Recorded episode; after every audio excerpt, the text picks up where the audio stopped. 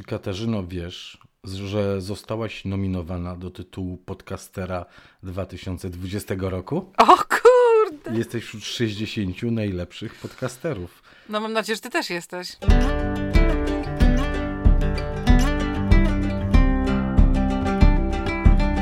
Naturalnie o ogrodach, odcinek 91.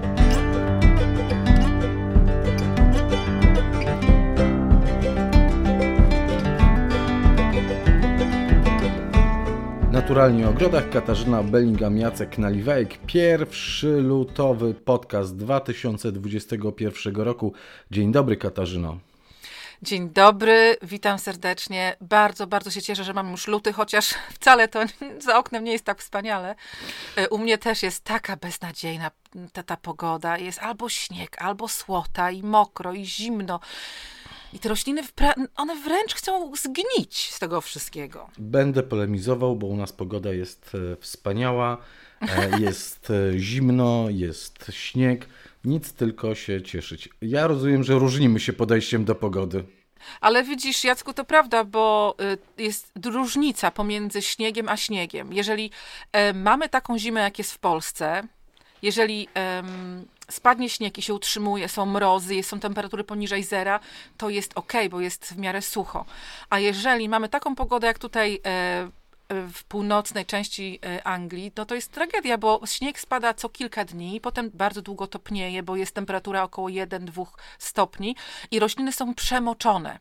I nawet takie rośliny, które zazwyczaj w zimie powinny świetnie sobie radzić, na przykład kapusty, Widzę, że w tych miejscach, gdzie siatka, którą okrywam e, te moje rabaty wzniesione, dotyka kapust i jest mokra, poza tym, że cały czas muszę ten, śnieg mokry, ciężki zrzucać z tego, żeby się nie połamały te moje pałąki, to w tych miejscach te kapusty zaczynają troszeczkę gnić, co jest dziwne. W życiu jeszcze nie mam takiego problemu. I również końcówki pięknie zaczynają mi... Um, dochodzić brokuły gałązkowe, zaczynają się piękne, te, te, mieć te swoje kwiatostany, tak? I końcówki ich zaczynają mi gnić. Też mi się to nigdy nie przydarzyło. To jest właśnie taka mokra, wilgotna pogoda, także u was, masz rację, jest o wiele lepiej niż tutaj. Przyznaję o wiele lepiej niż tutaj, ale w ogóle rozbiłaś scenariusz mojego, e, mój no, scenariusz podcastu. Totalnie rozbiłaś, bo ja na początku chciałem w swoim imieniu i w Twoim imieniu i w imieniu naszej e, wspaniałej producentki e, Iwony podziękować naszym słuchaczom za nominację do Nagrody Podcaster roku 2020, bo zarówno Katarzyna A, tak, Bellingham, tak, tak. jak i ja znaleźliśmy się wśród 60 osób nominowanych przez słuchaczy słuchających podcastów do tej nagrody. Teraz nad, e, że tak powiem, czołową jedynką, dwójką, trójką podcasterów, nie wiem e, ilu ich będzie, bo w ubiegłym, w ubiegłym roku było e, trzech podcasterów e, roku, będzie obradowało jury, ale to nie jest ważne, które miejsce zajmiemy. I się cieszymy, że znaleźliśmy się we wspaniałej 60 ludzi, którzy swoją pasję, swoje zainteresowania, dają e, e, słuchaczom w postaci podcastów i że, i, że, i że po prostu lubicie nas i że nas słuchacie. Tak, to jest, to jest naprawdę niesamowite wyróżnienie, jak się tak pomyśli, prawda? Y, no bo to, to, to my tak mamy troszeczkę też, jakby było i w radiu kiedyś, prawda? Próżni jesteśmy, po prostu próżni jesteśmy. Nie widzimy was, ale też tak, jesteśmy, jesteśmy próżni i w próżni. To też jest ten problem, że nie, nie widzimy tak na co dzień, prawda, y, y, co się dzieje dookoła nas, ale oczywiście wiemy. Nie, wiemy, to nieprawda, bo przecież dochodzą do nas e-maile i na różnych, przeróżnych mm, źródłach, tak? No, w komentarze na Instagramie, na Facebooku, na YouTubie. Mhm. Tak, i naprawdę czasami są takie. I nikt nic nie chce. Nie to, że tam jesteście fajni, a czy moglibyście coś tam. Nie, nie. Nic nikt nie chce, tylko po prostu chce powiedzieć coś miłego. I to jest naprawdę fajne, bo czasami nawet, nawet e, nam e, czasami jest czasami. No trudno nie będę tu marudzić, broń Boże, bo ja jestem bardzo e, na szczęście takim człowiekiem, który zawsze widzi, że szklanka jest na pół pełna. Ale wiecie, no każdy ma swoje minuty, godziny godziny, dni, szczególnie w tych czasach, kiedy jest tak troszeczkę wszystko do gór nogami, to takie komentarze czasami naprawdę podnoszą na duchu. Naprawdę, to są wprost od serca i wprost do serca. dają nam siłę do tworzenia kolejnego odcinka podcastu, do kolejnego e, myślenia o tematach, do kolejnego robienia live'u. E, przypomnę, że w poniedziałki o 19 na Facebooku spotykamy się na live'ach, e, że co czwartek ukazują się nasze podcasty. To już od dwóch lat, Katarzyno, te podcasty się e, ukazują. Wkrótce będzie setny odcinek. Musimy jakoś to uczcić w sposób szczególny. A kiedy to będzie? W marcu, nie? Nie, liczę, że to będzie jakoś na początku kwietnia. Przełom marca, A, no to powinnam być w Polsce i tak, także No, fajnie. będziemy świętować. Więc e, zarówno podcasty, jak i live na Facebooku. Jesteśmy także na e, YouTubie, na Instagramie. E, prosimy, dalej nas lubcie, dalej nas polecajcie, subskrybujcie nas, bo to, co robimy, to po prostu dzielimy się mm, swoją wiedzą, swoją pasją, tym, co robimy, tak? Czyli pokazujemy to, co robimy, jak się na czymś nie znamy do końca, to po prostu zapraszamy eksperta, tak jak w ostatnim odcinku, od Budek. E, nasza wiedza przy e, wiedze, wiedzy Piotra Kamonta to jest niczym Piotr po prostu dał czadu, ja go zaginałem pytaniami w ostatnim odcinku, dał radę, odpowiedział na wszystkie pytania. Wspaniały Piotr Kamont, jeszcze raz mu dziękujemy. Dobrze, to Katarzyno, mm, to już nasłodziłem Tobie, jesteś wspaniała. Dziękuję Ci bardzo za te dwa lata. Gratuluję Ci za tę nominację. Mm, I teraz ja przechodzimy do lutego w ogrodzie e, ekologicznym. Zaczęliśmy ten odcinek od pogody, nie tak jak chciałem od podziękowań, ale od pogody. Ale uwaga, uwaga, uwaga, uwaga.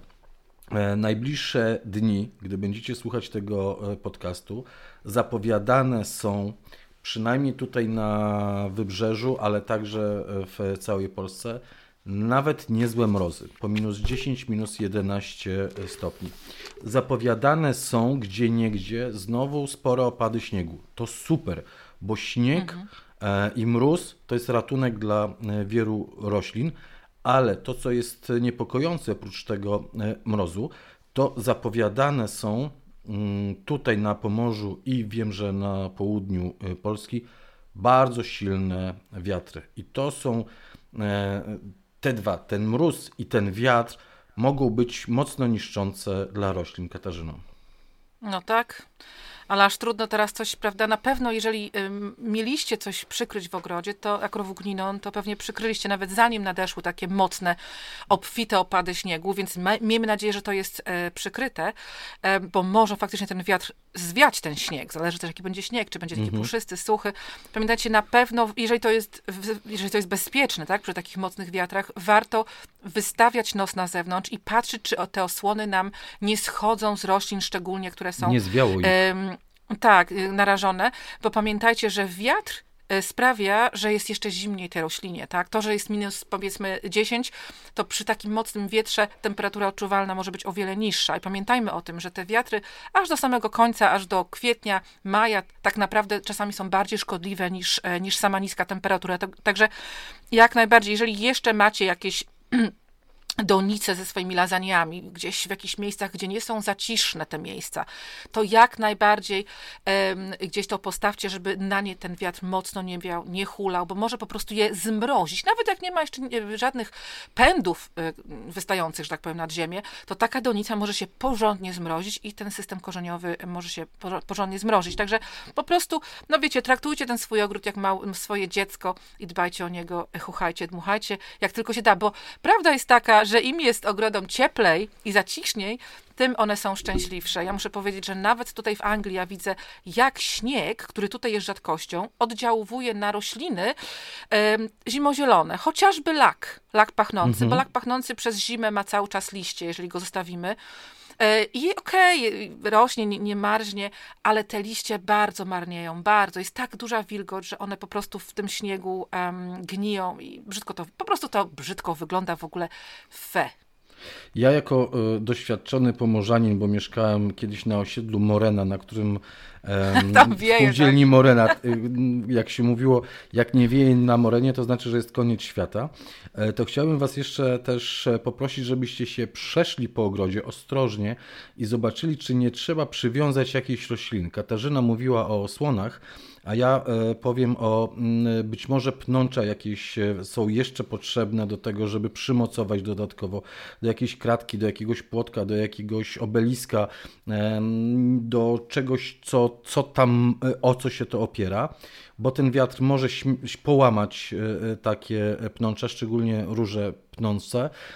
Także no to już teraz z ostatniego doświadczenia swojego E, zachęcam do tego, że ci, którzy mają tuje jako solitery, to żeby spróbowali obwiązać sznurkiem, jak mają być e, duże opady e, śniegu, żeby te gałęzie się nie rozchylały, zrobić z takiej tui troszeczkę baleronik. No jak ktoś ma żywopłot stój, to to się nie da zrobić, ale taką pojedynczą soliterową mm, tuję to można, czy w ogóle jakikolwiek zimozielony, tak? Postarać się ochronić, bo ten ciężki śnieg może po prostu wyłamać gałązki, może wyłamać gałęzie, odkształcić E, całkowicie. Mi e, pokazywałem Katarzynie, czy opowiadałem, już nie pamiętam, mhm. że suwający się, się z dachu, suwający się z dachu śnieg po prostu e, złamał mi prawie na pół E, jedną z takich soliterowych e, e, tuj i będę musiał ją wyciąć, bo już z niej Ale nic mieliśmy, nie będzie. prawda, też informacje od słuchaczy, że troszeczkę połamało im drzewek. Mhm. Nie tylko nawet zimozielonych, ale też jabłonki, prawda, ucierpiały. Taka kolumnowa jabłonka, dobrze pamiętam, jeszcze jakaś tak. inna w live panie, panie nam mówiły. My no, trzymamy w takim razie kciuki, żeby ten śnieg był puszysty i lekki raczej niż taki ciężki i mokry. A jeżeli będzie porządny mróz, to jest szansa, że on będzie puszysty i lekki, ale wtedy znowu zwieje, więc już sama nie wiem, za co trzymamy kciuki, żeby jak najszybciej przyszła wiosna. Żeby jak najszybciej przyszła wiosna. To, dobra, to pytanie, Jacku, no, w związku z tym, że dzisiaj mamy taki... E, to taki podcast, e, no, opowiadamy, co robimy w, w lutym, to co mhm. my, kurczę, robimy w lutym, kiedy z, tego, z tej prognozy pogody to wynika tylko to, że powinniśmy siedzieć w domu i pić whisky Wiesz co, ja też wychodzę z takiego y, założenia, że gdybyśmy wierzyli meteorologom, to zimą w sandałach byśmy chodzili. To że byśmy cały czas do, whisky pili. Nie do końca może się sprawdzą te mm, prognozy, a może no, też będą części kraju, gdzie te mrozy, śniegi ominą, że może będzie tak, że one szybko y, przeminą. E, i jeszcze będzie czas na wiele prac, które możemy wykonać w ogrodzie.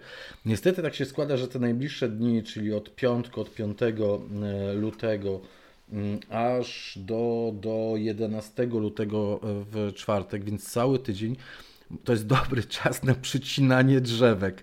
Tylko jak będą mrozy, to nie będzie to dobry czas na przycinanie No a drzewek. będą mrozy, więc tak, więc ale nie martwcie się, po prostu y, zrobicie to, kiedy będzie już można. Pewnie nie wiem, czy w ogóle w lutym jeszcze będzie można, bo jeżeli mają być takie mrozy, jednak warto robić te przycinanie, y, w, w, kiedy temperatura jest chociaż no, na kilka stopni na, na plusie y, i też nie jest zbyt, zbyt wilgotno i to, wiecie, to też trzeba zawsze trafić. Ale ja mam pomysłów kilka, na y, co można jeszcze zrobić, właściwie nawet nie wychodząc z domu, dlatego, bo ja też tutaj, jak opowiadałam wam w ostatnim vlogu, też mam taki plan, e, co robić w Zgorzałem, co robić tutaj. No i też są rzeczy, które można robić jeszcze. Ostatni taki dzwonek, bo jak będzie marzec, to już po prostu naprawdę trzeba będzie y, troszeczkę pewnie wyjść na zewnątrz częściej. Ale są takie rzeczy, które jeszcze możemy zrobić wewnątrz. Ym, a Dodatkowo jeszcze, żebym zapomniała, bo słucha nas sporo osób z Anglii. I się upominają o tematy i e, wskazówki co do e, Anglii. Mhm. E, tak, więc słuchajcie, jak jesteście Międzynarodny w Anglii, podcast. Międzynarodny, tak. Podcast. E, słuchajcie, jak najbardziej. Jak jesteście w Anglii, teraz jak e, temperatura jest e, tak, właśnie dzisiaj tutaj u mnie przynajmniej była niedaleko, e, ja jestem e, tak pomiędzy Chesterfield a Sheffield, to jakieś 2,5 do 5 stopni, no ekstra po prostu, tak? I troszkę słońca wyszło, no cudownie, po prostu człowiek poczuł, e, w Rennie już zaczynają kwitnąć przebiśniegi, no coś pięknego, chociaż tak począteczek, począteczek dopiero, ale już jest jakaś taka nadzieja. Także oczywiście w Anglii, jak, jak jesteście, to możecie już te, te drzewa w tym terminie terminie, co Jacek przed chwileczką podał, fajny to jest termin, bo to są dni uprawy, e, te, te, te drzewka przycinać. Czy to są czy to są drzewka e, owocowe, takie jak jabłon, jabłonie, tak, te, te drobnopestkowe, czy też inne krzewy, które można już przecinać, na przykład derenie, e, prawda, wierzby, inne krzewy. No, jest już sporo tego towarzystwa, krzewy można już przycinać spokojnie w lutym e, w, w Anglii, a w Polsce jak tylko pogoda na to pozwoli. I też, ale też ja zawsze przestrzegam, też nie ma sensu chodzić po ogrodzie. Słuchajcie, mój ogród mhm. teraz jest tak mokry, bo tak jak mówię, jak spadnie śnieg, potem się rozpuszcza,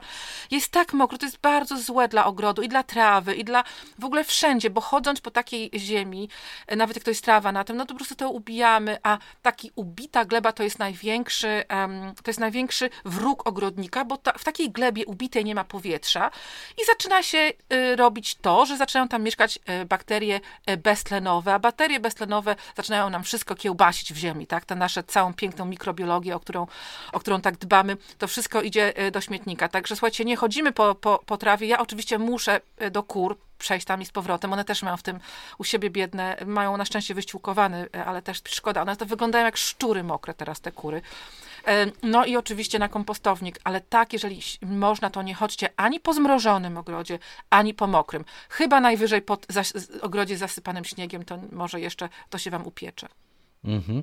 E, Okej, okay, znaczy mówisz o tym, żeby nie wychodzić, ale jeżeli trafi się tak, słuchajcie, że e, będzie taki okres właśnie z dodatnimi temperaturami, troszeczkę powyżej zera, piękny, słoneczny dzień, E, możecie przystąpić do cięcia. To nie jest tak, że e, jeżeli nie zmieścicie się między 5 a 11 e, lutego, to już w lutym nie możecie ciąć. To jest najlepszy czas do tego cięcia między 5 a 11 lutego.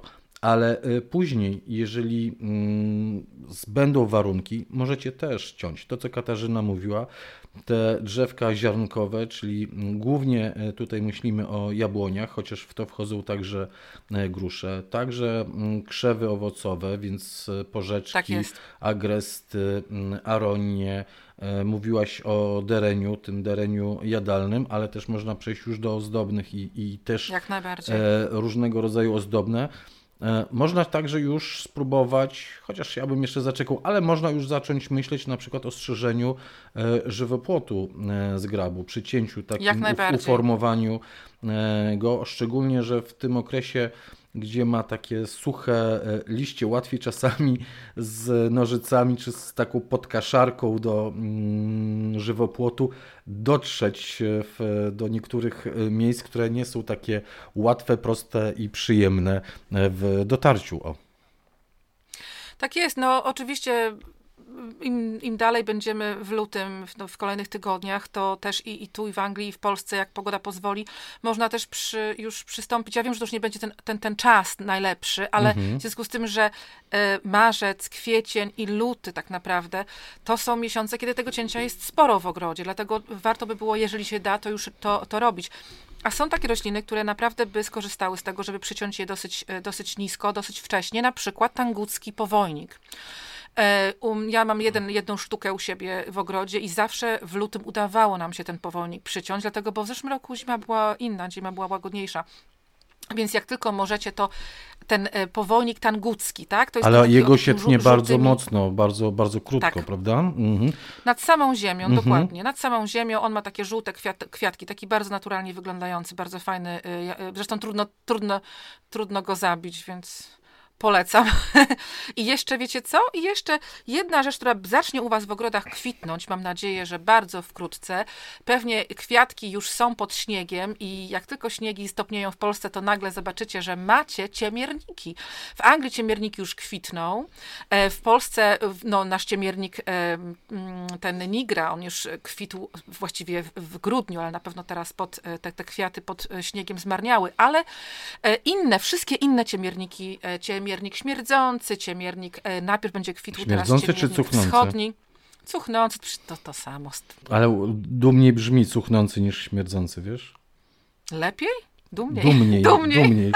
Cuchnący cuchnący, tak mocniej, nie? To jest jeszcze gorszy, ale on jest naprawdę cuchnący. E, słuchajcie, ten ciemiernik wschodni, Orientalis, on teraz będzie kwitł pierwszy w lutym, zacznie kwitnąć e, i naprawdę warto, jak e, on będzie miał jeszcze liście zeszłoroczne, w tym momencie powinien mieć zeszłoroczne liście jeszcze, wszystkie zeszłoroczne liście przyciąć do samej ziemi, zostawić tylko i wyłącznie kwiatostany, i na nowo rozwijające się liście tegoroczne, tak? Dlatego, bo e, na pewno zauważyliście, że te osoby, które mają ciemierniki, że one są bardzo podatne na taką czarną plamistość na liściach, bardzo podobną do czarnej plamistości róży. I to, i to już tak jest, taki, tak świat jest zrobiony, słuchajcie, ale to nie jest problem, ponieważ właśnie te liście i tak co roku wiosną, wczesną się wycina w pień i się ich pozbywa, żeby potem pokazać te piękne kwiaty ciemierników. I to jest ok, nic im nie będzie, także koniecznie tak zróbcie, żeby się z nich e, cieszyć. Mhm. No dobrze, to y, kończymy y, pracę na zewnątrz y, domu, czyli w ogrodzie. Już więcej nie depczemy. Pamiętajcie tylko, że jak już zaczęliście dokarmiać ptaszki, to dokarmiajcie tak, cały czas. Nie przerywajcie tego.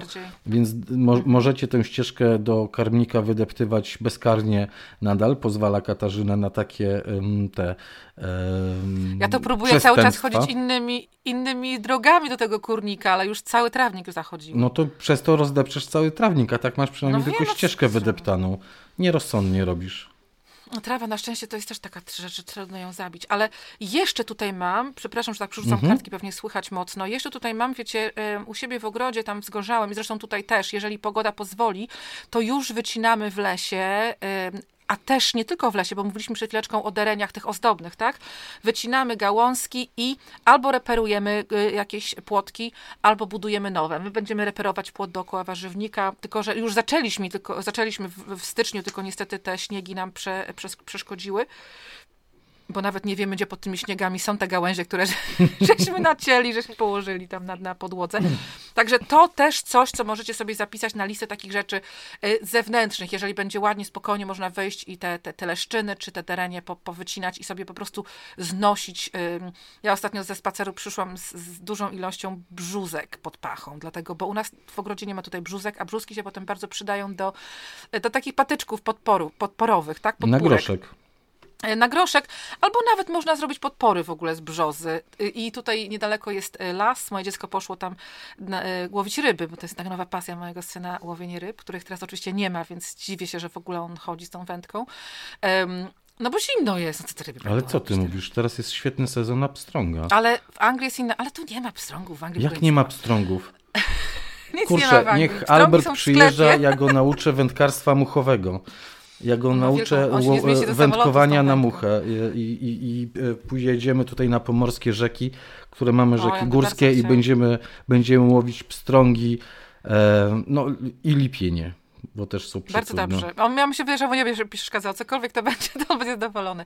W każdym razie tam jest lasek e, samosiejek, e, bardzo blisko siebie rosną brzuski i wiele z nich było połamanych po zimie, dlatego przytachałam trzy takie brzozy z powrotem. Mhm. a, sąsiedzi, a sąsiedzi mówił, że będzie ostra zima, bo Bellingham znosi chrust. Na szczęście nie mam sąsiadów tutaj, żadnych, żadnych. Okej, okay, wracaj do domu i opowiadaj, co tam w domu będziesz robić e, w lutym w ogrodzie ekologicznym. Tak, to znaczy, wiecie co, są takie rzeczy, które warto zrobić raz na jakiś czas. Na przykład, ja wiem, że może ja jestem upierdliwa, ale dla mnie to jest bardzo ważne, żeby utrzymywać jakikolwiek porządek w ogrodzie, ponieważ wiem, że potem to naprawdę się opłaca. Y, szczególnie w jakichś kryzysowych momentach, kiedy nagle nic nie ma pod ręką. Niestety chyba za dużo osób, szczególnie w najbliższym moim otoczeniu, w to nie wierzy, ale to nic, ja jestem twarda. Słuchajcie, my, ja, ja tak bardzo prosiłam, e, żebyśmy właśnie wskorzałem w tym, w tym tygodniu, w następnym tygodniu, póki taka jest mocna, mocna, mocna zima, zinwentaryzować nasze narzędzia, zinwentaryzować nasze nasiona i zinwentaryzować nasze etykiety, że tak powiem, tak? I jeżeli czegoś nie ma, to y, trzeba to po prostu z, albo kupić, albo zamówić, albo zrobić. E, więc jeżeli chodzi o, nasz, o, narzędzia, no to oczywiście trzeba będzie je zamówić, trzeba będzie je kupić. E, jeżeli chodzi o nasiona, to ewentualnie coś domówić, bo czasami, wiecie, te nasiona gdzieś leżały w miejscu, do których mogła do, do, dobrać się myszka albo dwulatek, e, albo jakieś, jakieś szkodniki, no wiecie, może zalęgły się jakieś muszki, tam jedna pani pisała do mnie na vlogu, że jej się muszki zalęgły w nasionach bobu. Jest możliwe to, jeżeli w bobie była larwa takiej muszki, jeżeli mhm. były zebrane te nasiona, tak, bo tam niestety tak się zdarza z bobem, ale też um, może trzeba y, zmyć, dlatego, bo wiecie, te etykiety takie plastikowe, białe, um, my te etykiety co, rok po roku y, odzyskujemy, tak? My je myjemy, czyścimy i potem są w kolejnym roku też nie tylko te największe ze szkółki, ale też takie te mniejsze. No i jeszcze marzy mi się, żebyśmy w tym roku dorobili więcej takich fajnych, dużych, drewnianych, pomalowanych na biało, y, taką zwykłą białą farbą emulsyjną etykiet do ogrodu, bo mi się wydaje, że to tak super takich. wygląda. Mhm. Tak, no tak, to etykiety, to jest duże na etykiety. Nie, Wiesz co, jest, nie, nie, ta, nie, tak, nie, nie tak e, e, dawno, bo kilka dni e, temu dostaliśmy kilka takich informacji, kilka takich komentarzy dotyczących właśnie znaczników do roślin i nasi słuchacze dzielili się pomysłami. E, bo mm, ja już w tej chwili mam duży zapas takich małych etykiet do doniczek, do e, wielodoniczek. E, kupiłem, a przysłali mi z nasionami z Wielkiej Brytanii, kupiłem to w jednym z hipermarketów. Ja też kupiłam w tym samym. E, tak? No właśnie, i kupiłem, i kupiłem gdzieś, gdzieś jeszcze. I te etykietki, mm, te, te, te niewielkie takie etykietki do doniczek, do wielodoniczek e, są bardzo fajne, bo ty, ty wiem, że ty swoje znaczniki to opisujesz takim mazakiem wodoodpornym, żeby to było widać z daleka, no bo zwiedzający muszą widzieć z daleka o co e, chodzi, o co biega, co to jest za roślina, mm, więc potem musisz to zmywać jakimś rozpuszczalnikiem, tak? Acetonem do paznokci. Acetonem do paznokci, no ale... To ale, jest, to ale... Jest, E, to jest patent Aliny, bardzo jestem, bardzo jestem wdzięczna za to. I on bardzo, całkiem prosty, ale dobrze działa. Bardzo ładnie schodzi. Ja z kolei te etykiety opisuję po prostu zwykłym ołówkiem, byle miękkim ołówkiem. E, tak I jest, one, to jest ważne. Mhm, tak, miękki ołówek. Miękki ołówek, więc e, nie wiem, B, 2B, no 3B jeszcze nie trafiłem, znaczy ciężko trafić, nie chcę mi się szukać, ale mam 2B czy B i to, to są miękkie ołówki, więc naprawdę fajnie się opisuje, a po, potem E, to tak jak Katarzyna mówi, w długie zimowe wieczory biorę gumkę, myszkę i ścieram te mm, ołówki. Myszką ścierasz, no patrz, kurczę, a ja myję w miseczce z mydłem takie, e, takie które, które opisuję, bo takie mniejsze tutaj w ogrodzie w Tołtpu też opisuję ołówkiem, tak jak mówisz. Gumka, myszka. Ale że ja nie pomyślałam gumką, no kurczę. No proszę cię bardzo, no gumka, myszka i, i wszystko schodzi elegancko, co więcej ta gumka, myszka nawet taki brud zmywa, wiesz, ściera znaczy. I to, jest, I to jest fajne, ale nasi słuchacze dzielili się różnego rodzaju pomysłami, mm, bo ktoś mi napisał, że takie patyczki do lodów e, fajnie się opisuje długopisem e, i są znacznikami. I, i zobacz, też, też fajne. Ja, e, też... Fajne, ale na jeden sezon, albo nawet na pół. No, okej, okay, okej, okay, ale, ale są, są fajne. Poza tym, jak sałatę masz, to możesz w następnym lodów, roku kochany, tę samą sałatę mieć. Do depilacji trzeba iść i, znaczy kupić sobie do depilacji takie patyczki. One są szersze, one są jeszcze bardziej ekstra. To do Kiedyś dużych doniczek. też. No wiesz, nie wiem, ale może więcej informacji napisać, wiesz, bo, bo one są cieniutkie te od lodów jednak. No, ktoś ma do, drobne pismo i dobre pismo, więc nie ma problemu. E, I jeszcze ja kiedyś e, brałem takie wysokie kubeczki po jogurcie albo po śmietanie. Odcinałem ja górę, odcinałem dół i ciąłem ten walec taki, który tam pozostał na takie paseczki i to były świetne e, także znaczniki. Były, Jacku, ale one są nietrwałe. One teraz starczają, one się potem wyginają, one bardzo na, na, na słońcu się niszczą. Ja zawsze myślę, że taki, taki plastik porządniejszy starcza nam potem na Wiele, Więcej wiele niż lat. 10 lat, tak, naprawdę, na, na, ponad 10 lat, spokojnie. Szczególnie, jeżeli będziemy o to dbać, tak? Dlatego, bo im lepszy ten plastik, tym na dłużej się zachowa, ponieważ normalnie plastik y, marnieje na, na słońcu i na zewnątrz, prawda? Jeżeli mhm. to jest w ogrodzie. Jeżeli myślicie, że y, rozmowa o znacznikach jest y, nieznacząca, to mylicie się. E, rozmowa o znacznikach jest bardzo znacząca, dlatego że będziemy Wam mówili o sianiu sałat, o sianiu e, różnego rodzaju warzyw i potem jak wysiejecie choćby w jednej tacce takiej do, do wysiewu ileś tam rodzajów sałat, naprawdę będzie trudno rozpoznać, która jest sałata, która na etapie pikowania to będzie naprawdę duży kłopot. Potem może jak urośnie, już będzie dojrzewała, to już będziecie wiedzieli. E, ale ja mam bardzo często ten problem, wiem, że Katarzyna też ma często ten problem, że jak czegoś nie zaznaczy, to potem zastanawia się, Boże, co to było, co ja sadzonkowałam, co ja pikowałam, co to było, co tak, to było. To znaczy, no wiadomo, że to jest sałata, Wiadomo, że to jest kapustna roślina, ale tych kapustnych ja mam zylion, a te pierwsze takie liście to też nie zawsze dokładnie mówią, co jest co. A poza tym, wracając do tej mojej upierdliwości, mhm. powiem wam, że niezastąpione jest zapisywanie na tych etykietach nie tylko co siejemy, wysiewamy, no bo, no bo to jest bardzo ważne, co wysiewamy, ale kiedy. Naprawdę. To jest dla mnie niezastąpione. Ja od kilku lat prowadzę właśnie zapisy i wtedy wiem dokładnie co, kiedy. Na przykład wiem, że tutaj w Toadpool już nie ma sensu niektórych rzeczy wysiewać albo wysadzać o jakiejś tam porze roku, tak? A znowu y, kiedyś trzeba wysiać koniecznie, tak? Także zapisujcie sobie y, albo na tej samej stronie etykiety, albo z tyłu właśnie datę wysiewu. Tam już pal licho z rokiem, no bez przesady, ale chociażby dzień i miesiąc, tak? To jest naprawdę potem niesamowita informacja, chociaż niestety myślicie, myślicie, że będziecie pamiętać, nie ma szans. Ja zapisuję potem nawet w domu sobie wszystko jeszcze raz, bo naprawdę mi się to potem przydaje i można się lepiej zorganizować, żeby ten, po prostu, żeby ten warzywnik albo w ogóle ogród wykorzystać tak do, do maksa, prawda? Do, tak, ten potencjał wykorzystać całkowicie. Mhm. Wycisnąć z niego ostatniego mikroorganizma. Mhm. Co jeszcze, Katarzyno, bo ja już bym chciał przejść do wysiewów, a boję się, że ty masz na swojej liście e, prócz Nie. E, inwentaryzacji, prócz sprawdzania narzędzi, ostrzenia narzędzi, Nasionek, konserwowania narzędzi, tak Ostatni moment, żeby wysłać, y, wysłać kosiarkę do, y, do kosiarkowa, tak? Niech tam wam, jeżeli sami tego nie, nie do jeżeli sami kosiarek, tak, jeżeli sami kosiarek nie ogarniacie, to żaden wstyd, to jest bardzo normalne, trzeba y, oddać specjaliście, fachowcom, niech zrobią, niech naostrzą.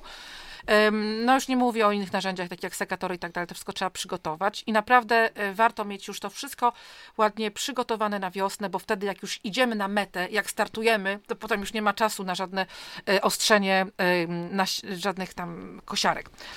No nie mam nic więcej, oprócz tego, e, tak jak mówiłam, że można by było jeszcze, jeżeli zacznie schodzić śnieg, to doglądać donic z wiosennymi cebulkami.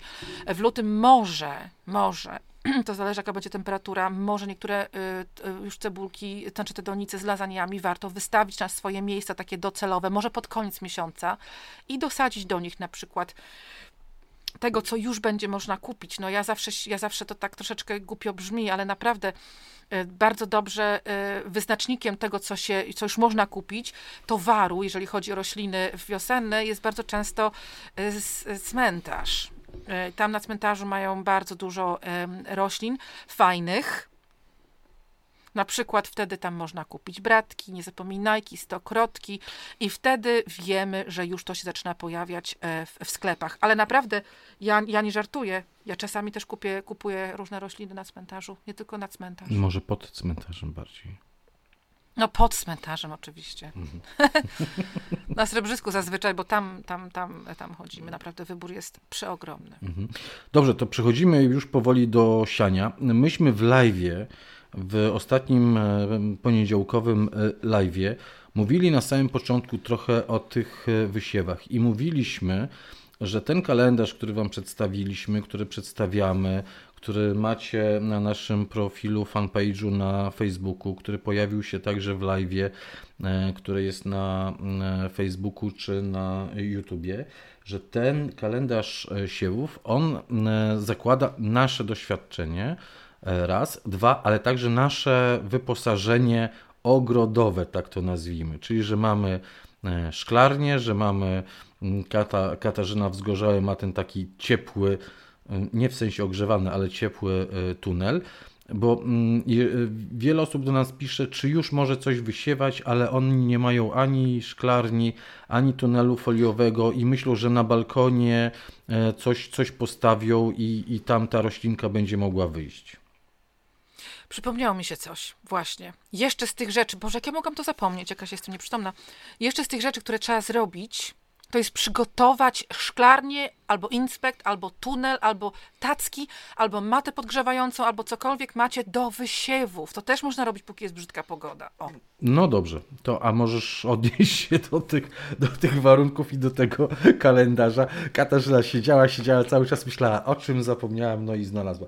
Chodzi, chodzi i po, powtórzę jeszcze raz bo mm, do 2 lutego wysiewaliśmy e, rośliny korzeniowe, cebulę, por, e, tak? I potem mówiliśmy, ok, podrosną do 5 cm, wynosimy to do nieogrzewanej szklarni bądź do nieogrzewanego tunelu foliowego. Jeżeli nie macie takich warunków, opóźnijcie te siewy o miesiąc.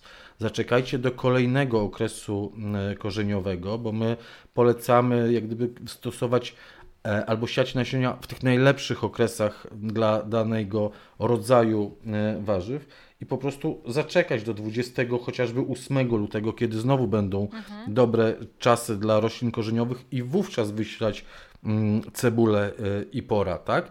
Żeby tak, nie dlatego... przyspieszać za bardzo, nie śpieszyć tak, się.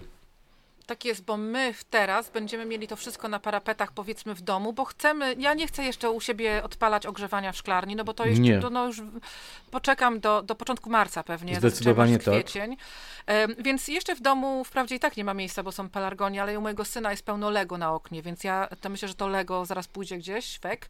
I tam e, będziemy mieli w lutym wewnątrz na parapetach nasze e, rozsady mhm. i potem one prawdopodobnie będą pikowane pod koniec lutego, początek marca i w marcu w pewnym momencie już faktycznie trafią albo do nieogrzewanej szklarni, albo do tunelu, albo do inspektu. Słuchajcie, nawet nieogrzewane, ale one, to jest ogromna różnica pomiędzy tym, że się coś stoi na zewnątrz, od tak po prostu, a pomiędzy tym, co stoi chociażby przykryte agrowłókniną. I to chciałam powiedzieć, słuchajcie, jeżeli nie macie nic takiego, to albo faktycznie opóźnicie wysiewy, albo spokojnie możecie sobie coś takiego sami zrobić. Nawet jak macie rabatę podniesioną, to wystarczy jakieś pałąki nad tą rabatą zamontować, chociażby tak z wierzby, czy z rury do wody niebieskiej, którą możecie kupić w obi. Albo białej. Pociętej oczywiście, albo białej. I słuchajcie, po prostu na tym połóżcie agrowłókninę i już macie inspekcik, już macie folię tak jakby, tak? I to już coś jest. A jeszcze gdybyście na przykład do tego rabaty, do tej rabaty wzniesionej albo do tego drewnianego, y, do tej drewnianej ramy wrzucili coś, co będzie pracowało, jakiś obornik, y, jakiś kompost, no to tam, tam, tam będzie ciepło, słuchajcie, to będzie zupełnie inna bajka. Także można kombinować bez prądu, y, bez ogrzewania, bez wydawania pieniędzy na takie rzeczy. Można naprawdę daleko zajść z tego co wiem, z tego co oglądałam, to e, Charles Dowding, on właśnie używa takiego hotbed do tych swoich e, takich pierwszych wysiewów. On to robi e, nie na parapecie, tylko w szklarni nieogrzewanej na hotbed, czyli na takim buduje, buduje taką wysoką skrzynię, którą wypełnia świeżym obornikiem, tak jak się kiedyś w Polsce Dokładnie. i nawet, ale niektórzy to robią tak zwane ciepłe inspekty, gorące inspekty. Super rzecz to Wypełniają super. to e, obornikiem.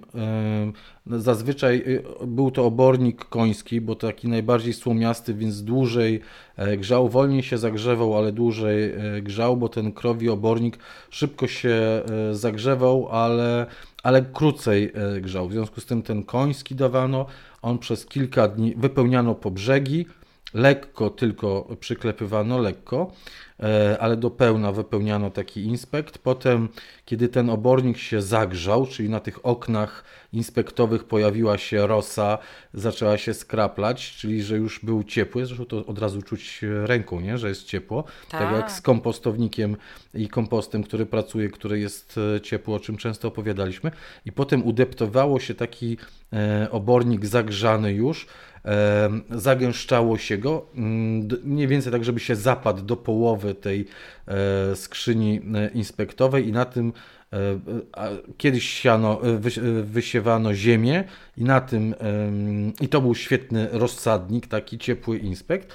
Teraz niekoniecznie trzeba wsiać rośliny do ziemi, można po prostu w doniczkach, w wielodoniczkach czy w taczkach tak. wysiewowych to ustawiać. I mniej więcej coś takiego robi Charles Dowding, tylko robi taku, taki inspekt, gorący inspekt w środku, wewnątrz szklarni, czyli ma tak. podwójną ochronę. I on już zaczyna, ale on już zaczyna te siewy teraz mhm. na ten hotbed. E, my mhm. będziemy troszkę tutaj korzystali z, z, z parapetów. Z, z, parapetu, tak jest. Ale gdybyśmy zrobili sobie taki e, ciepły zagon, ja też myślę o szklarni, bo ja na przykład mam w szklarni rabatę wzniesioną, tylko że ona została porządnie wyściółkowana na jesień, więc nie wiem, czy tam się zmieści. Wiadomo, no im więcej tego obornika, tym bardziej to się bardziej lepiej to się nagrzeje, ale nawet nieduża, tam powiedzmy 10 centymetrów, prawda, to by się nagrzało. Potem od góry przykryć to kartonami, żeby to za bardzo szybko może nie parowało i na to poustawiać to, co wyjdzie przepikowane w marcu do szklarni. Wiecie, po prostu będzie lepiej rosło, jak będzie troszeczkę cieplej. No, no nie oszukujmy się, a potem tak na takie rabacie, taki obornik to też nikomu nie zaszkodzi, bo tam, wiecie, na takim zagonie w szklarni to się przecież sadzi pomidory, czy bakłażany, czy papryki, wszystko to będzie kochało e, taką porządnie e, pod, podrasowaną ziemię. To nie, ma żadnego, to, to nie ma żadnego problemu z taką ziemią, prawda? Także wiecie, są sposoby, można kombinować z, i potem jest ogromna satysfakcja z tego, prawda? Mhm. Ja będę jeszcze, tak jak Katarzyna mówiła, w lutym, pod koniec lutego E, zakładał system dogrzania mojej szklarni w nocy, tak? Bo w marcu, kiedy wysta wystawiamy e, i to, co Katarzyna powiedziała, że, że od marca będzie dogrzewała szklarnię, ja też od marca będę dogrzewał szklarnię, wstawię regulator temperatury, w sprawie e, grzejnik, E, I, i, I w zależności od tego, jakie będą roślinki na początku, bo niektórym nie potrzeba 8-10 stopni Celsjusza minimum, dopiero jak tam się pojawią pomidory, ale dlatego zwlekamy z wysiewem e, pomidorów e, jeszcze. Jak się pojawią te ciepłolubne rośliny, no to wtedy będę musiał wyższą temperaturę w nocy utrzymywać.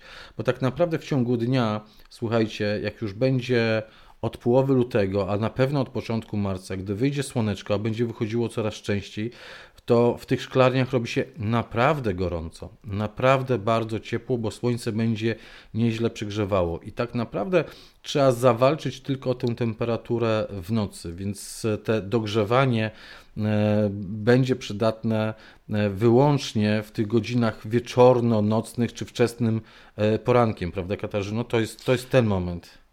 Tak, i to też będzie szczególnie dla roślin, które potrzebują ciepła, bo e, szczerze mówiąc, z tym dogrzewaniem roślin, takich, które niekoniecznie muszą mieć tak dużo ciepła, to nawet można y, właśnie to dogrzewać tylko od spodu, matą, szczerze mówiąc. Bo my oczywiście wzgorzałam nie ma szans, żebyśmy mieli na parapetach jakiekolwiek, wy, y, najwyżej pomidory, bakłażany i papryki, tak? A cała reszta idzie do inspektu drewnia. Mam taki inspekt mhm. przenośny drewniany, który stawiamy do, e, do tunelu i w tym inspekcie on nie ma tak jakby dołu, to jest taka rama jakby tylko z oknem na górze. To stawiamy do tunelu. Na dole wysypujemy e, warstwę piasku, do tej warstwy piasku układamy i zanurzamy w nim e, taką sinusoidę. E, kabel grzejny. Kabel grzejny, grze, który też ma termostat mhm. oczywiście. Na to jeszcze rozkładamy styropian, który zresztą co roku tam kładziemy, on już jest przystosowany, ma specjalne wycinki tu i ówdzie, żeby, żeby, się, żeby się zmieścił i na tym będziemy y, układać rozsady, jak i również w szklarni tej na górze, niedaleko y, ogrodu angielskiego, niedaleko domu, tam też rozkładamy y, styropian na, bo tam w szklarni jest beton, na, na pod, nie ma normalnie zagonów, mhm. jest beton na podłodze. Na ten beton kładziemy styropian i na styropian rozkładamy dużą, taką metalową, to jest, taka, to jest, to jest takie sreberko, jak takie sreberko do, do, do spożywcze, mniej więcej, tylko twardsze oczywiście, przez które biegną też cieniutkie druty grzejące, mam nadzieję, że jeszcze w mata tym roku, grzejna, inaczej mówiąc? Wiele lat ma ta mata grzejna, więc mam nadzieję, trzymamy kciuki, że jeszcze w tym roku nam posłuży i tylko ta mata grzejna też ma oczywiście swój termostat, bo to jest ważne, żeby mieć termostat, żeby nie mhm. ugotować mhm. tych roślin. Też będzie w tym roku um, nam y, tylko to, to będzie tylko i, i wyłącznie nam y, pomagało z wykiełkowaniem tych wszystkich roślin, o których pewnie powie, powiemy zaraz, tak? Bo jeszcze mhm. powiemy, mam nadzieję. Tak. Y, jeszcze będziemy opowiadali Wam o tym, y, o, o tej szklarni, bo warto też docieplić szklarnię. E, ja przynajmniej docieplam szklarnię, Katarzyna nie musi, bo ma w zacisznym zakątku. Ja docieplam swoją szklarnię, ale o tym wszystkim także będziemy opowiadali. Kasia, to wychodzimy nareszcie e, do ogrodu po nasionka, czy tam do e, garażu, czy do mm, pomieszczenia jakiegoś gospodarczego, bo tam schowaliśmy, policzyliśmy ile mamy nasionek, czy mamy ich 2000, 9000 czy 20 nasionek. Anglicy są skąpi, wiesz, niektóre piękne odmiany warzyw, które zamówiłem, nasiona warzyw miałem po 20 nasionek, ła, zaszaleli. No to różnie, ja miałam niektórych, ale, na, ale dużo jarmuży było, prawda, piękne. Tak, odmian, nie, no piękne ja no... Okej, okay. E, słuchajcie, między 12 a 17 lutego wysiewać e, będziemy rośliny liściowe. Będziemy wysiewać sałaty, musztardowce, cykorie, szpinak, kopernatkę, groch cukrowy, napędy, kapustę, zieleninę orientalną, no i koniecznie ostnicę cieniutką. Mm, także będziemy e, wysiewali. Ten kalendarz na luty macie, jak mówiłem, na naszym fanpage'u na Facebooku. Macie także w ostatnim live prezentowaliśmy go, e, takie slajdy. Od 20 do 26 lutego rośliny kwiatowe i owocowe będziemy wysiewali, czyli groszek pachnący, nie jadalny, a pachnący, więc na kwiatki będzie pięknie wyglądał, kleomę, werbenę patagońską, groch, bób, bakłażan i tutaj paprykę słodką i ostrą będziemy także wysiewali, kalafior i broku. No i końcówka lutego, 28 lutego, więc ostatni dzień lutego. W zasadzie możemy zaliczyć to już e, do marca, więc awansem będziemy wysiali, wysiewali, uwaga, buraki wewnątrz. Nie na zewnątrz, ale wewnątrz e, e, buraki. Pasternak już do gruntu, daj Boże, żeby nam się udało mm. wtedy wysiewać. Mm, szczypiorek, por, czyli ten por, o którym, który wysiewaliśmy w styczniu, teraz będziemy mogli pod koniec lutego także znowu wysiewać. Czosnek wiosenny będziemy sadzić do, do gruntu, pietruszkę korzeniową, marchew, rzodkiewkę, cebulę, cebulę dymkę, dymkę por i fenku, fenku. także będziemy mhm. wysiewali. I jeszcze to jest dobry czas, to znaczy może akurat ta, ta, mm, ta pora korzeniowa w końcu miesiąca lutego, może jest mhm. późno już na niektóre rośliny, ale tutaj na początku miesiąca, ale wiecie, no to zależy jak ktoś chce, ale możecie zapamiętać tego na, to, to, na przyszły rok. Też warto, to są dobre czasy, jeżeli chodzi o rośliny korzeniowe, na pędzenie i sadzenie roślin cebulowych y, do domu. Na przykład hipeastrum czy amaryllisy, y, na przykład jakieś pędzenie jakichś um, narcyzów czy hiacyntów, bo to też są, to, to też jest dobry czas i wiecie, też jest dobry czas, jeżeli macie taką potrzebę, może w końcu lutego, ja będę miała taką potrzebę w końcu lutego, bo mi niedługo plargonie wyjdą przez okno, szczerze mówiąc. W końcu lutego będę pobierała w tym okresie rośliny korzeniowe, to jest dobry czas na pobieranie sadzonek roślin domowych, a pokojowych. Akurat w tym momencie pelargonia jest moją rośliną domową, no ale można zaliczyć jakieś tam balkonowe pelargonie, sadzon, sadzonkować, ukorzeniać ale także wszelkie rzeczy, inne rośliny y, domowe, które chcemy, nie wiem, przesadzać, które chcemy odmładzać, które chcemy rozmrażać, to mogą być wszystkie rośliny y, doniczkowe, które uprawiamy w domu. Ten okres korzeniowy e, z 28 lutego, czyli na takim przednówku można by było powiedzieć, e, kiedy posadzimy rośliny mm, domo, doniczkowe, domowe do nowej ziemi, przesadzimy, damy troszeczkę większe doniczki, zadbamy o nie, to jest dobry okres właśnie na tę pracę także z roślinami domowymi. Tak, właśnie tak mi się śmieszcie, bo teraz zajrzałam do naszego ulubionego kalendarza, mhm. E, o którym zawsze Wam opowiadamy. I pierwsza rzecz, jaką widzę, to właśnie w pierwsze kilka e, zdań, jeżeli chodzi o ogród, pole, dom. To jest na początku miesiąca, można to samo, co my mówimy na parapetach. A i właśnie tu jest napisane, że w końcu lutego, zwłaszcza gdy jego początek był mroźny, czyli tak jak akurat się zdarzyło mhm. w tym roku, można przystąpić do zakładania ciepłego inspektu. To dokładnie o czym mówiliśmy wcześniej. Nie, nie, nie, nie, nie, zapominajcie o tej opcji ciepłego inspektu. To jest naprawdę fajna, tradycyjna rzecz, e, jeżeli chodzi o ogrodników nie tylko w Polsce, ale e, w Europie, w Anglii. Każdy ogrodnik sobie jakoś radził, a przecież e, taki obornik, czy jakiś kompost, taka przekompostowująca, taka gnijąca materia, no przecież to jest łatwo osiągalna. No szczególnie w dawnych czasach, kiedy jeszcze nie wszyscy mieszkaliśmy w, w betonowanych miastach, była bar, łatwiej osiągalna. I to jest taka normalna rzecz, żadnych komplikacji, żadnych gadżetów, po prostu jakaś gnijąca materia organiczna i macie ogrzewanie w szklarni. Mhm. Jeżeli pozwolisz, to chciałbym, żebyśmy teraz już na samo prawie zakończenie tego odcinka e, podcastu e, przez moment zatrzymali się nad e, tematem mm, ziemi. Ziemi do wysiewu, ziemi do sadzonkowania. Mhm. Poruszamy dosyć często ten temat. Mówimy dosyć często o tym, że w ogrodzie wszystko zaczyna się od ziemi, jaka jest ta ziemia, takie będą rośliny, tak będą owocowały, tak będą e, zdrowe bądź chore, tak, tak będą atakowane bądź nie e, przez szkodniki, że, że to życie zaczyna się w ziemi, tej rośliny, tak? I stąd ważna jest ziemia. I podobnie jest e, z tą ziemią do e, wysiewu, z tą ziemią do e, pikowania w tych pierwszych dniach E, rośliny. Jak dobrze, Katarzyno, wybrać ziemię do wysiewu, jak dobrze zdecydować się, którą e, ziemię wybrać i po czym poznać, że ta ziemia jest e, dobra? Przede wszystkim trzeba to zaznaczyć na początku. To jest bardzo szalenie ważne, najważniejsze na świecie. Starajcie się szukać e, podłoża, jeżeli będziecie kupować podłoże bez torfowego. Nie jest to łatwe. Większość y, podłoży w sklepach, nawet na, y, specjalnie podłoża przystosowane, napisane jest na nich, że jest do wysiewu, do pikowania. Większość z tych podłoży będzie na bazie torfu, tak? Zazwyczaj jeśli 99%. Nie w całości, jeśli nie w całości torfowych, to przynajmniej w, w, w, e, większość będzie stanowił torf, a domieszki będą no, niewielką, e, niewielkim procentem pewnie takim procentem, żeby tylko ściągnąć klienta, szczerze mówiąc. Także starajcie się znaleźć beztorfowe. Są takie na rynku, musicie szukać. Tylko to nie są ale... ziemia do, to nie jest ziemia do wysiewu, tak? Bo znaleźliśmy, to jest mówiliśmy o tym, to jest ziemia uniwersalna. Tak. Nie jest tam napisane ziemia do wysiewu, tylko ziemia uniwersalna.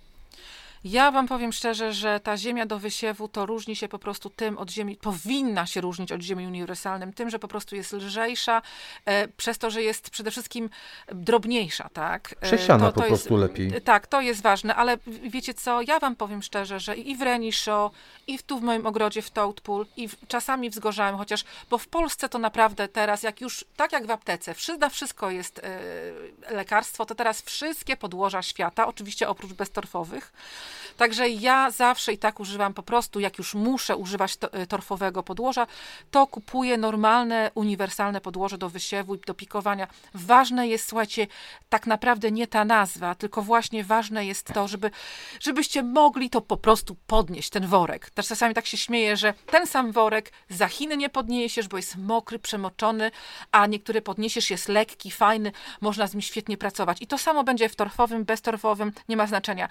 To, to podłoże nie może być przemoczone, przekwaszone. E, mówię przekwaszone, ponieważ w e, warunkach bez, e, beztlenowych, tak jak mówię, są bakterie beztlenowe w takich przemoczonych warunkach i słuchajcie, to podłoże robi się kwaśne, tak, bo te bakterie w ten sposób na to wpływają. Także to nie jest dobre podłoże. Czasami niestety może jest z zeszłego roku, może leżało na zewnątrz, no nawet jak na początku to było bardzo dobrej jakości podłoże, to jak ono przemokło, przemarzło 100 razy gdzieś tam na zewnątrz, to już potem ono nie jest do Was do kupienia. Także pytajcie się, czy to jest e, e, świeże, czy to jest tegoroczne podłoże. Starajcie się kupować bez... Um, torfowe i też starajcie się kombinować swoje własne podłoże.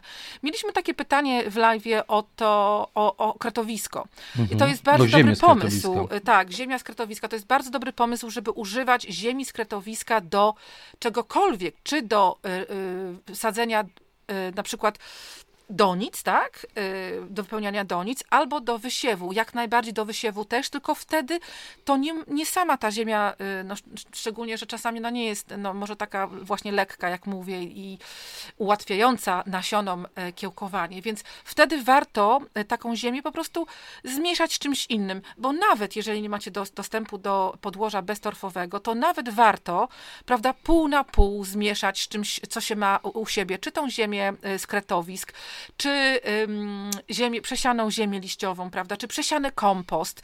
Słuchajcie, no naprawdę, jeżeli zmniejszycie nawet o połowę to, co używacie, jeżeli chodzi o podłoże torfowe, to jesteście o połowę, to, to planeta i wy jesteście o połowę do przodu, tak? Także zawsze lepiej, chociażby 1%, ale zawsze do przodu. Y, spróbujcie. I takie było pytanie, czy tą ziemię y, z kretowisk y, włożyć do piekarnika. pieca, do piekarnika, żeby to zdez, no, z, od, z, wysterylizować. To też to jest dobry, to jest dobre, to, to nie jest tak całkiem nie, niemądre, to jest dobre, ale słuchajcie, e, może, nie wiem, czy w dzisiejszych czasach nie lepiej sprawdza się mikrofalówka. Szczerze mówiąc. Ale no macie rację, do wysiewu nasion w ziemię warto wysterylizować, tylko że e, może łatwiej wysterylizować po prostu polewając wrzątkiem, e, może też e, pamiętajmy też o tym, że ta ziemia z kretowisk bardzo często jest czysta, jeżeli chodzi o nasiona, bo tutaj tylko tak naprawdę chodzi mi o to, żeby nie było innych nasion, no bo jak używamy do wysiewu nasion, to potem nagle wyrośnie cały świat, tak, w tacce na oknie, a chcemy, żeby wyrosła tylko sałata. Nie przeszkadza mi tam, nie przeszkadzają mi tam mikroorganizmy w tej ziemi, to sobie może być, a niestety to tego też się pozbywamy, także pamiętajcie o tym, że no oczywiście to, to, to podłoże, które kupujemy w sklepie i tak jest wysterylizowane, więc to nie ma o co walczyć, jeżeli chodzi o życie w doniczkach. W życie w glebie, w doniczkach. Ale jeżeli chodzi o sterylizację tego podłoża z kretowisk, to tylko, żeby pozbyć się nasion, a tak naprawdę na takich niższych podkładach to tych nasion zazwyczaj nie ma. Także zastanówcie się, czy to w ogóle się opłaca wrzucać ziemię do piekarnika czy do mikrofalówki. Uważajcie, bo może potem zjecie. Z... Katarzyna mówiła ziemi. o tej takiej ciężkiej e, ziemi. E, uważajcie, bo ja e, kupiłem sobie fajny worek e, ziemi w centrum ogrodniczym. Nie był wielki, więc nie był ciężki. Przywiozłem do domu, otworzyłem i wycisnąłem z pięści ziemi, którą zacisnąłem dłoń na, na takiej części ziemi, wycisnąłem wodę z niego i stwierdziłem, kurczę, centrum ogrodnicze po prostu trochę zrobiło ze mnie e, konia, to znaczy dla, ta e, ziemia leżała ewidentnie na zewnątrz, została przemrożona, przechłodzona, e, że mm, dostała się tam woda, wilgoć i jest to mm, ziemia, która nie będzie nadawała się do mm, wysiewania, tak? Podobnie nie, nie, nie, nie można wysiewać do torfowego, uwaga, torfowego, przesuszonego podłoża. Bo niestety torf ma to do siebie, że jak przesuszy się za, za, za bardzo, to potem gorzej chłonie tę wodę. To już, to już nie będzie ta sama ziemia, nazwijmy to torfowa, o której my myślimy, jeśli ona przesuszy się. To bardzo często macie być może takie mm, doświadczenie, jak dacie ziemię torfową i posadzicie w niej pelargonię, bo czasami są takie e, z ziemią torfową. Jak ona przesnie za bardzo, to zaczyna odstawać od, od, od e, gra, tych brzegów e, doniczki. Potem bardzo ciężko jest w ogóle to nawodnić. Bardzo ciężko jest nawilżyć tę ziemię taką torfową, nie Katarzyna? To, to już jest lekka tak, kaplica wtedy. Jest, szczerze mówiąc, to czasem nawet się nie da. On jak już przeschnie, to przeschnie. Ale jeszcze, jeszcze może ja I ta ziemia, nie, tylko chciałem powiedzieć, że, że ta ziemia mhm. musi być, e, nie może być sucha, nie może być mokra, musi być wilgotna. Jak będziecie przecierać e, e, dłońmi, to nie powinna być taka mazista, nie powinna zostawiać czarnych śladów takich mazistych na dłoni, chociaż dłonie będzie brudzić, no bo przecież inaczej się nie da, bo to jest, bo to jest ziemia, ale będziecie czuli, że to jest taka lekka gleba, wilgotna, ale lekka gleba. Najlepiej, tak jak Katarzyna powiedziała, żeby ona była jak najdrobniejsza. Nie jest wstydem wziąć jakieś sito i po prostu nawet sobie przesiać tę ziemię raz jeszcze, jeżeli, jeżeli możecie i, i, i przesiejcie, bo czasami y, mogą się trafić jakieś tam większe kawałki czy, czy coś takiego, ale to, to można już na etapie mieszania wyczuć y, w dłoni. Tak, to jest bardzo przyjemne takie mieszanie rękoma i tam wymacywanie różnych elementów tej ziemi mm -hmm. w tym podłożu. Także ja wracam jeszcze do tego, żeby, żeby, żebyście mieszali własne y, mieszanki, że tak powiem, robili własne mieszanki do wysiewu, y, kierując się tym, co powiedział Jacek, żeby to było drobne i żeby to było lekkie, wystarczająco jednak wilgotne. Ale też miałam takie pytanie od koleżanki, czy można wysiewać wprost do kompostu z kompostowni w doniczkach. Mhm. Słuchajcie, wiecie co? Ten kompost, jeżeli on jest na rabatach na zewnątrz, na rabatach wzniesionych, czy na rabatach na zagonach e, zwykłych, normalnych, no wszystko, wszystko jedno, ja do niego wysiewam ale na zewnątrz są inne jednak e, warunki. Wiecie, co jest inaczej. Ja kiedyś próbowałam go użyć do donic i on się źle sprawował w Donicach. On był, ta ziemia e, nie była wystarczająco, ona była, to było za ciężkie, nie, nie, woda tak łatwo nie przechodziła przez to, ile dobrze pamiętam. Także ten kompost możecie używać do wysiewu nasion, ale tylko po zmieszaniu z innymi podłożami, tak? Można jako część jakąś, też może czasami go trzeba przesiać, ale tylko po zmieszaniu z innymi, ale nie, nie w ten sam tak, kompost. Nie jest tak też z normalnym kompostem przecież. Jeżeli byśmy przesiali normalny y, kompost, on też byłby ciężki, taki przesiany kompost. Za bogaty, nie? Dla, za, za bogaty, za ciężki i, i roślina wcale by się nie cieszyła, że jest wysiana w samym takim drobniutkim y, kompoście. Tak, dlatego, bo to dlatego... ona No właśnie dlatego, bo pewnie też też powiedzieć Jacku to samo, bo ona wcale nie potrzebuje teraz ani specjalnie jedzenia, prawda, e, tak. ani specjalnie zbyt bogatego życia y, biologicznego. Ona teraz potrzebuje warunków idealnych powietrzno-wodnych, żeby, te, y, żeby one pękły, te nasiona, żeby te nasionka y, mogły wykiełkować, żeby te korzonki i pędy mogły z nich wyjść. To jest najważniejsze, dlatego warto tak naprawdę, żeby bardziej jeszcze rozbić i wypełnić tak, tą objętość, jeżeli nie mamy za dużo materiału, używać też e, takich rzeczy, jak używamy do robienia sadzonek, żeby ta ziemia też była dobrze przepuszczalna, na przykład piasek, e, taki, taki żwir, drobny bardzo żwir, czyli taki piasek budowlany wręcz, tak, na to mówią, bo mhm. w każdym kraju inaczej na, to, inaczej na to mówią. W Anglii na to mówią sharp sand. Można używać bardzo drobnego po, po, kruszywa jakiegoś grytu czy, czy żwirku bardzo drobnego. Naprawdę. Ważne jest to, żeby te, y, te, te, te, nasiona tam nie gniły, tak? I też nie wysiewajcie ich zbyt głęboko. Naprawdę, tak jak Jacek mówił już kilka razy, czy to było w live, czy w zeszłym podcaście, e, słuchajcie, tylko żeby przykryć, żeby tylko, przy, to jest kilka milimetrów. Żadnych głębin, bo potem one będą gniły albo będą dłużej e, wschodziły. Mhm. E, dokładnie, Katarzyna powiedziała o tym nawożeniu. E, tyle nawozu, ile jest e, w tej ziemi, którą dacie, beznawozowej nawet, wystarczy do tego, żeby rośliny już wypuściły te liście właściwe i nadawały się do pikowania. Do samego kiełkowania, tam tak jak Katarzyna powiedziała, nie jest potrzebny nawóz. Potem naprawdę niewiele trzeba nawozu, a ten zazwyczaj mówi się, że Katarzyna tam 4-6 tygodni, prawda? Że, tak, że, ten, tak. że ta, te, te składniki, które są w każdej ziemi wystarczą na 4-6 tygodni do tego, no żeby są, roślina mogła się sztuczne. czuć dobrze. To są nawozy sztuczne, które charakteryzują się tym, że one są wypłukiwane z gleby, tak? Mhm. Dlatego po prostu one, szczególnie jak to jest w donicy, no to to jest cały czas przelew, tak, że tak powiem. Mhm. Miłego wysiewu w takim razie. No ja już nie mogę doczekać, jejku, ale to jeszcze nie teraz, już od 12 y, lutego to jeszcze tyle dni, że ja nie wiem, co ja ze sobą zrobię. Już po prostu już tutaj oglądam nasionka codziennie, przeglądam, cały czas coś nowego w nich dostrzegam. Dzisiaj wysłałam opakowanie nasionek do zgorzałego i w ogóle już nie mogę żyć bez tego. No dobrze, dobrze. Jakbyście mieli jakieś dodatkowe pytanie, jeżeli chodzi o wysiewy, to tak tradycyjnie umawiamy się, że możecie zadawać je podczas e, naszego live'a w poniedziałek o godzinie 19, a w Anglii o godzinę wcześniej. Na który serdecznie zapraszamy. Katarzyna Bellingham, Jacek Naliwajek, Naturalnie o Ogrodach. Dziękujemy Wam serdecznie. Zapraszamy na ten podcast, e, kolejny podcast e, za tydzień, na live'a w poniedziałek. I pamiętajcie, dzięki Wam zostaliśmy mianowani do tytułu podcaster roku 2020. Jesteśmy w 60 fantastycznych podcasterek i podcasterów, fantastycznych ludzi, którzy dzielą się swoją pasją po prostu, gadając. A my z Kasią gadając. lubimy, kochamy gadać.